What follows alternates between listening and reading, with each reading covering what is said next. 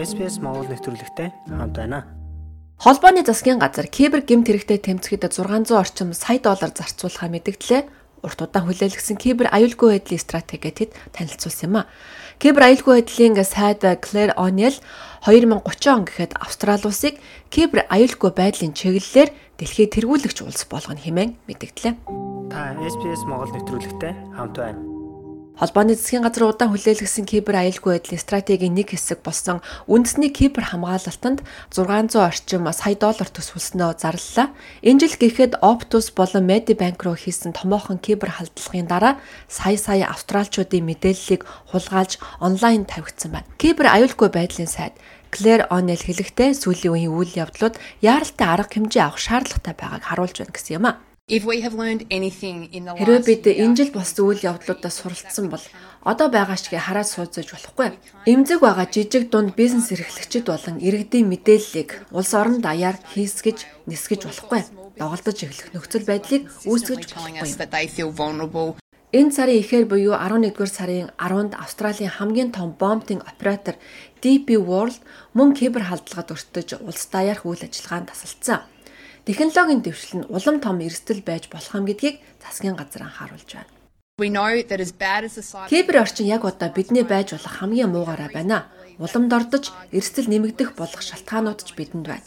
Иргэдийнхээ нүд рүү харж дахин кибер халдлагад өртөхгүй гэж хэлж чадах улс төрж энэ дэлхийд манай улсад ч байхгүй. Энэ кибер эрсдлийг тэг болгох төрийн бодлого сонголтч байхгүй. Бидний хийх ёстой зүйл бол бид улс орноо амар онилогдох улс байлгаж болох.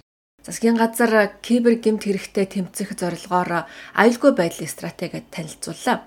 600 орчим сая долларыг одоогоос 2030 он хүртэл зарцуулах бөгөөд жижиг дунд бизнесийг кибер халдлагатай тэмцэхэд нь дэмжлэг үзүүлэх юм. Мөн чухал дэд бүтцийг хамгаалах засгийн газрын кибер аюулгүй байдлыг сайжруулахад зориулж 146 орчим сая доллар бүс нутгийн болон дэлхийн кибер аюулгүй байдлын санаачлаганд 130 орчим сая доллар зарцуулах юм а. Тэд мөн өмнөх халдлагуудаас сургамж авахын тулд зам тээврийн ослын мөрдөн байцаагчтай адил тусгай зөвлөл байгуулахар болж байна.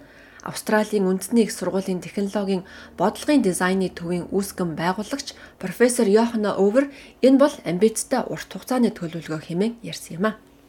Look, I think it's a great strategy. Энэ бол сайн стратеги гэж би бодож байна. Маш өргөн хүрээтэй. Тиймээс энэ нь хувь хүмүүсээс эхлээд жижиг бизнес, аж ахуй, засгийн газар хүртэлх бүх зүйлийг хамарсан. Тиймээс энэ нь маш их амбицтай, өргөн хүрээг хамарсан, маш их зүйлийг хийх хэрэгтэй болно. Шин төлөвлөгөөний дагуу бизнес эрхлэгчид хакердуулсан бол мэдээлэл их шаардлагатай болно. Гэвч сөрөг хүчин шинэ стратегт огтхон ч сэтгэл нь хөдлөөгүй хэвээр байгаа төдийгүй тэдний кибер аюулгүй байдлын төлөөлөгч Джеймс Паттерсон сэтгэл дундуур байна хэмээн мэдгдсэн байна. Өөр олон зүйл энд байж болох байсан. Энд байх ёстой. Энэ бүх яриа хэлэлцээрийн дараа Австрали энэ стратегиэс илүү кибер аюулгүй байх болов Энэ нь маш эргэлзээтэй байна. Үнэхээр сэтгэл дундуур.